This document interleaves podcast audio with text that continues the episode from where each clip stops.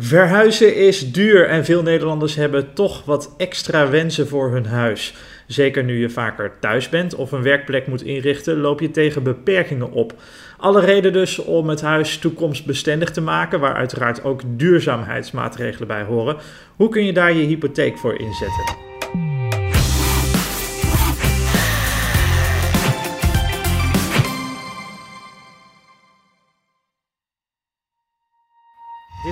Podcast Huis en Hypotheek. Mijn naam is Stefan Tentij, ik ben redacteur Wonen voor het AD. En in deze podcast ook Marga Langkrijer-Kos. Zij is hypotheekdeskundige van uh, Independer. Marga, hallo. Hoi, hoi, leuk om weer mee te doen. Nou, zeker. Heb je het uh, huis zelf al helemaal naar je zin? Nou, wij hebben ons huis met mogelijkheden uh, een paar jaar geleden gekocht. Dus we zijn eigenlijk constant een beetje aan het verbouwen, uh, vergroten, verbouwen. En nu is dan de tuin uh, aan de beurt met een veranda enzovoorts. Dus we, we zijn nog steeds heel druk bezig. veranda schijnt enorm ja. populair te zijn. Daar hebben we laatst nog ja. een, een, stuk over gehad. Is eigenlijk alles in de tuin ook hypotheektechnisch interessant?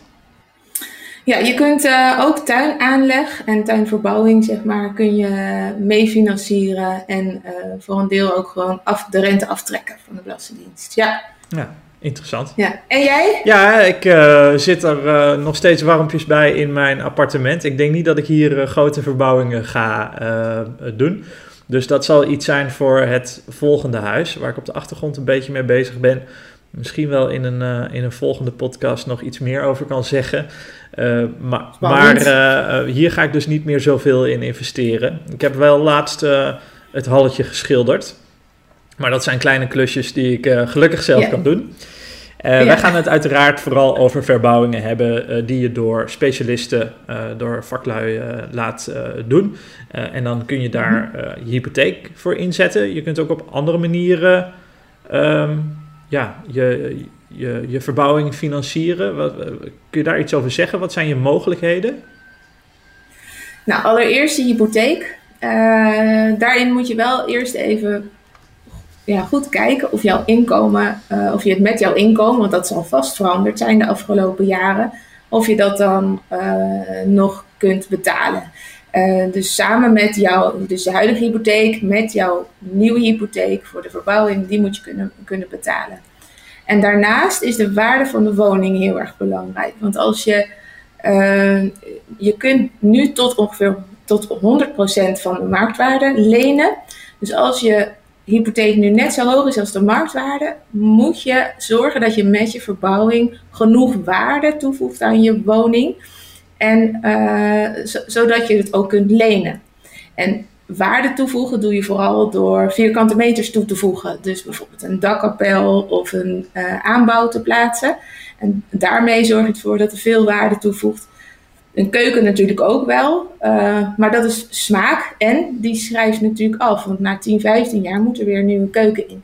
Dus die voegt ook waarde toe, maar niet zoveel als de vierkante meters. Ja, dat is natuurlijk zo. Als je een huis gaat kopen, dan uh, kan er wel net een nieuwe keuken in zitten. Maar als die 15.000 euro heeft uh, gekost, dan is echt niet uh, de, de, de, de prijs van het huis ineens 15.000 euro meer waard, toch? Nee, klopt. Ja, zo zit dat inderdaad. En met, met een, ja, een kamer toevoegen of een dakkapel, ja, dan ga je wel echt heel ja, snel met je waarde omhoog. Ja, ja en moet het dan getaxeerd worden of zo door een, door een makelaar om te kijken hoeveel ruimte er is? Of hoe gaat dat?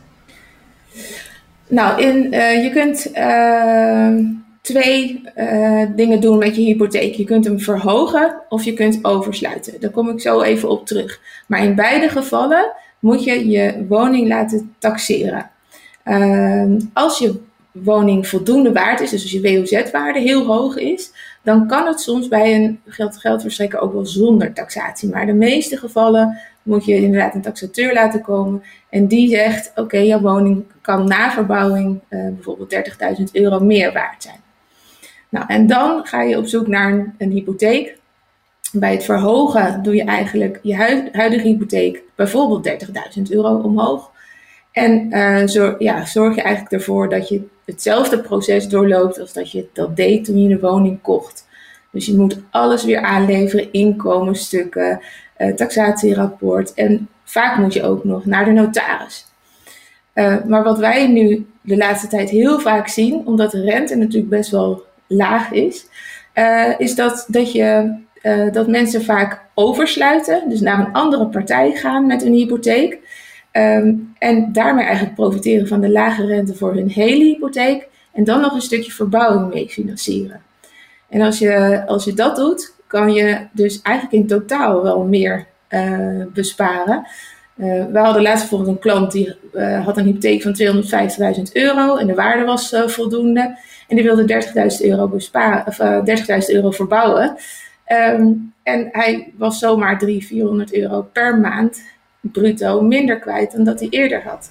Omdat hij eerder een rente van 3,5% had. Ja, dat, dan ga je nu wel fors besparen. En dan kun je nog verbouwen ook. Dan is je verbouwing eigenlijk uh, gratis. Uh, nou, niet gratis, want je hebt natuurlijk wel een lening die je nog moet aflossen. Ja, en uh, ja, gaat dan het, het, het aflossingsbedrag uh, omhoog? Want ik denk dat je nog wel steeds binnen die 30 jaar, dat is de normale termijn, of eigenlijk maximum termijn waarover je kunt doen om een hypotheek af te betalen, moet binnen die 30 jaar wel afgelost zijn? Ja, als je belastingaftrek wilt, dan moet je inderdaad alles wat je verhoogt ook aflossen door een annuïteiten of door een lineaire hypotheek. Um, en dan moet je dus ook in 30 jaar die 30.000 euro bijvoorbeeld uh, helemaal afgelost hebben. Je kunt er ook voor kiezen om dat bedrag aflossingsvrij te lenen. Alleen dan heb je dus geen recht op belastingaftrek. Maar we zien dat dat ook wel veel gebeurt, omdat ja, de belastingaftrek is heel laag, omdat de rente ook heel laag is op dit moment. Ja. Blijft de vraag, kun je het niet gewoon beter sparen? Uh, hè, veel mensen uh, steken zich toch al zo in de schulden als het gaat om een huis. Uh, gewoon een spaarpotje opbouwen, daarmee kun je een verbouwing ook financieren. Wordt je huis ook meer waard? Is dat niet een betere optie? Nou, als je gespaard hebt, dan moet, moet je je eigenlijk eerst even afvragen van... Ja, wat, uh, wat ga ik doen met dat spaargeld? Ik moet namelijk, je moet altijd een buffer hebben voor als je auto ermee stopt of uh, als je wasmachine het niet meer doet. Of misschien wil je wel een grote reis maken in de toekomst. Uh, maar heb je geld over, dan ja, levert dat eigenlijk qua spaargeld natuurlijk niks op. En zou het in de waarde van je woning, als je dus het in verbouwing stopt, eigenlijk wel meer op kunnen leveren. alleen je bent het dan wel kwijt. Hè? Je hebt het in je huis gestopt. Je kunt het er eigenlijk niet zomaar weer uithalen. En wat de marktwaardeprijzen doen natuurlijk, dat weten we natuurlijk ook niet de komende tijd met uh, ja, de vervelende coronatijd die we nog kunnen verwachten. Nee, maar dat is dus een andere. Zijn er nog andere mogelijkheden om zo'n uh, verbouwing te financieren? Misschien een andere, andere leningvorm? Ja, klopt. Uh, als je een kleine verbouwing gaat doen, uh, want een, een hypotheek uh, afsluiten heb je toch best wel wat kosten wat daarbij komen, komt kijken. ga je een kleine verbouwing doen, dan is misschien een persoonlijke lening een oplossing. bijvoorbeeld bij een lening van 10.000 euro ben je 100 euro in de maand kwijt op dit moment als je hem in 10 jaar aflost.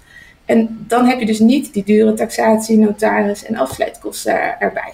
Dus dan zou je kunnen overwegen om een persoonlijke lening te sluiten eigenlijk. Ja, heb je dan nog belastingvoordelen ook bij een persoonlijke lening? Denk ik niet, hè? Ook bij de persoonlijke lening, omdat oh. je hem aflost, en zelfs ja. in 10 jaar, kun je de rente aftrekken. Oké. Okay. Als je hem gebruikt voor verbouwing. Ja. Is dat een, uh, een, ja, een soort uh, subsidieregel, een stimuleringsregel? Of, uh... Nee, want het is eigenlijk gewoon rente die je betaalt voor je woning. Dus het, of je dat nou met een hypotheek hebt of met een lening, ja, dat maakt eigenlijk niet zoveel uit. Als je het maar voor je woning gebruikt. Ja. Oké, want uh, qua subsidies zijn er toch ook nog wel uh, wat, uh, wat dingen te regelen. Wij hebben een artikel gehad, redelijk recent. Heb je een eigen huis, dan zijn dit alle subsidies voor het verduurzamen ervan. Um, Waarin we, want ik, ik had daar zelf een beetje behoefte aan, omdat ik ken, ik ken de subsidies uh, een beetje, omdat ik er vaker over schrijf. En uh, nou, dan, dan hoor ik weer vanuit het ministerie van Binnenlandse Zaken dat er 200 miljoen euro extra is uitgetrokken. Ik denk, laten we ze dus op een rijtje zetten voor huizenbezitters, um, voor huiseigenaren, uh, wat zij kunnen doen. Nou, de belangrijkste subsidies voor verbouwingen. Um, nou ja, dan moeten het wel verbouwingen zijn, uiteraard, die je huis duurzamer maken. Dat gaat al vrij vlot. Als je bijvoorbeeld nou, andere ramen die beter isoleren of ander isolatiemateriaal, dan heb je daar de SEEH-subsidie voor, de subsidie energiebesparing eigen huis. Kun je via de website van rvo.nl kun je die uh, uh, opzoeken. En je hebt de ISDE-subsidie voor een andere warmtebron. Dus dat is een, um, een, subsidie die je bijvoorbeeld kunt gebruiken om een warmtepomp aan te schaffen. Maar goed, dan moet je je huis al wel aardig hebben geïsoleerd. Wil dat een beetje effectief zijn.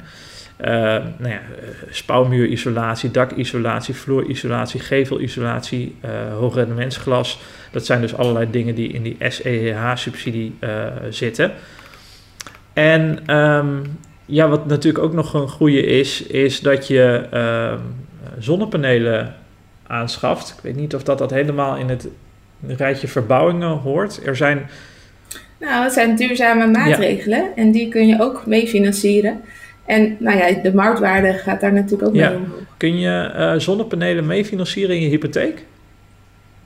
Ja, je kunt de duurzame maatregelen, zoals een warmtepomp of, een, uh, zonne, uh, of de zonnepanelen, kun je ook als verbouwing mee financieren. Oké, okay, ja. nou dan is nog maar de vraag of dat, dat slim is trouwens. Want stel dat je rentepercentage iets van nou, 2 of 2,5 procent is, dan denk ik dat er goedkopere leningen zijn uh, om uh, zonnepanelen uh, te financieren. want die zitten soms eigenlijk al rond de 1%. moet je wel binnen ja. 10 jaar aflossen. Dus dat, nou, dat is gewoon even een rekensommetje maken. Um, dan moet je wat meer aflossen.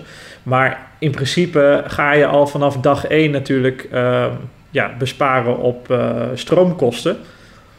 En voor sommige mensen kan dat toch uh, ja, net zoveel schelen dat ze ook al vanaf dag 1 geld gaan besparen eigenlijk. Hè? Dus je bent nooit het geld kwijt om die zonnepanelen uh, te kopen. Kun je dat met een spaarpotje doen. Uh, het kost nog maar, tussen aanhalingstekens, 4000 euro, 5000 euro geloof ik voor 10 zonnepanelen. Mm -hmm. Nou, dat heb je binnen, binnen 6 of 7 jaar terugverdiend. Als we nog wat meer zonnige jaren hebben, zoals dit jaar, dan uh, gaat het nog sneller. Um, en er zijn salderingsregels en die worden vanaf 2023 uh, afgebouwd.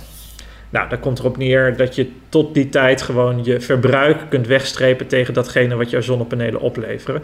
En vanaf dat moment krijg je daar nou, wat minder geld voor eigenlijk. Dus dan wordt het, het wordt steeds minder interessant wel om zonnepanelen te kopen, maar het blijft een slimme investering uh, als het bijvoorbeeld uh, aan Milieu Centraal legt, die voorlichtingsorganisatie.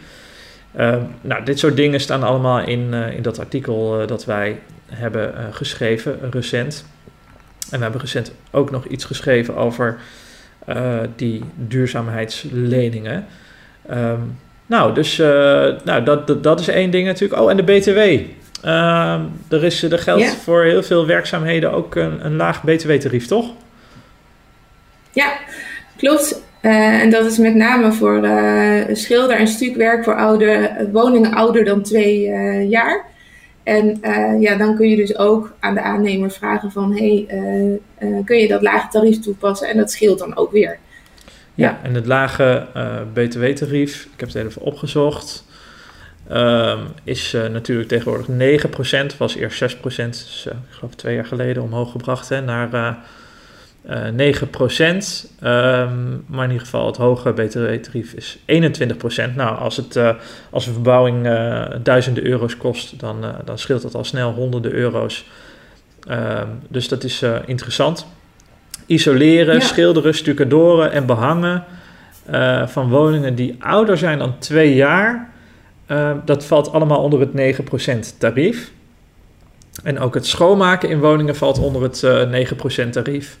Um, uh, maar dan is het, dan moet ik even goed kijken. Schoonmaakwerk in de woning valt onder het 9% uh, tarief en, en, en, buiten niet. Dus als je um, ja, de schoorsteen moet vegen, valt ook aan de buitenkant van het huis. Uh, cv-reiniging en zo, nou, dat, dat is wel allemaal 21%, maar dat kun je vinden op de website uh, van de Belastingdienst. Maar ja, als je het zo op een rijtje zet, uh, Marga, ik wil geen reclame maken voor, ja, voor wie eigenlijk? Voor, voor, voor, voor timmermansbedrijven. Maar ja, als, je, als je wat geld over hebt of ruimte hebt op je hypotheek en je wil iets aan je huis laten doen, ja, dan is dit eigenlijk wel een goede tijd daarvoor. Hè? Ja, het is een, een goede tijd omdat er een lage rente is. Uh, en je ziet dus ook dat heel veel mensen deze tijd ook aangrijpen om te gaan verbouwen. Wat het dan ook is, inderdaad, om meer ruimte te krijgen, of toch die nieuwe keuken of die mooie nieuwe tuin in ons geval uh, te, aan te leggen. Ja, heel veel mensen zijn daar nu mee bezig. Ja, uh, zeker omdat het vakantiegeld net binnen is, maar vakanties in ieder geval naar verre oorden wat minder makkelijk zal gaan. En mensen ook zien waar wat belangrijk het is eigenlijk uh, om een prettige leefomgeving te hebben waar je dagelijks bent. Hè? Dat je een fijn thuis hebt.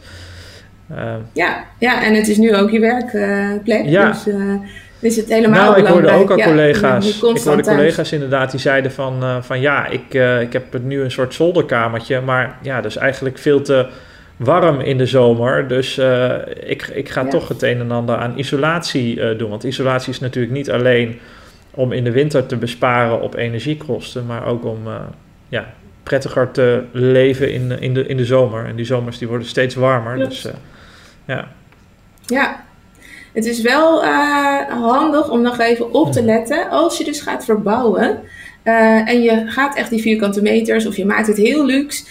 om je opstal- en inboedelverzekering nog even te checken. Of het even door te geven aan je verzekeraar. Want uh, ja, je wil natuurlijk niet zometeen met een onderverzekerd, onderverzekerde woning komen te zitten. Dus dat is wel even handig en gewoon even checken of die nog bij je past. Um, en als laatste, we hebben het natuurlijk ook gehad over de, de duurzame maatregelen. Maar inderdaad, ook als je gewone stukken gaat verbouwen, ook je energierekening. Naast de hypotheekrentes die laag zijn, zijn de energieprijzen ook echt historisch laag. Uh, en daarmee kan je ook nou ja, we zien dat veel mensen daar honderden euro's per jaar voor, voor kunnen besparen.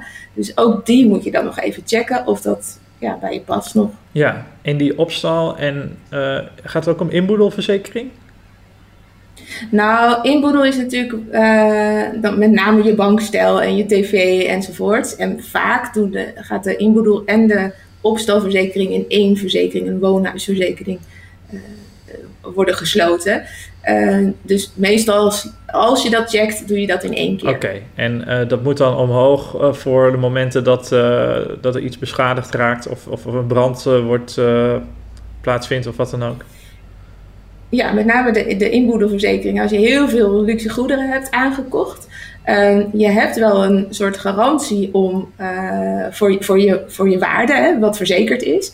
Alleen, de, de verzekeraar vraagt jou natuurlijk wel als jij 50 vierkante meter hebt aangebouwd, om dat wel door te geven. Want dan ja, valt de garantie natuurlijk een beetje uh, uit het lood, zeg maar. Uh, je hebt daar wel een garantie voor, maar de verzekeraar vraagt het wel aan jou. Ga je echt iets spectaculairs doen aan je huis, dus inderdaad die vierkante meters bijbouwen, dan uh, zou ik het in ieder geval even doorgeven. Nou, interessant. we gaan het ja, we gaan het, uh, we, gaan het zien of, of, of dat dit bij de mensen een beetje is aangekomen. Ik vond het in ieder geval een interessant gesprek, interessant topic om met jou door te nemen, Marga. En ik zie je de volgende keer ja. weer, hè?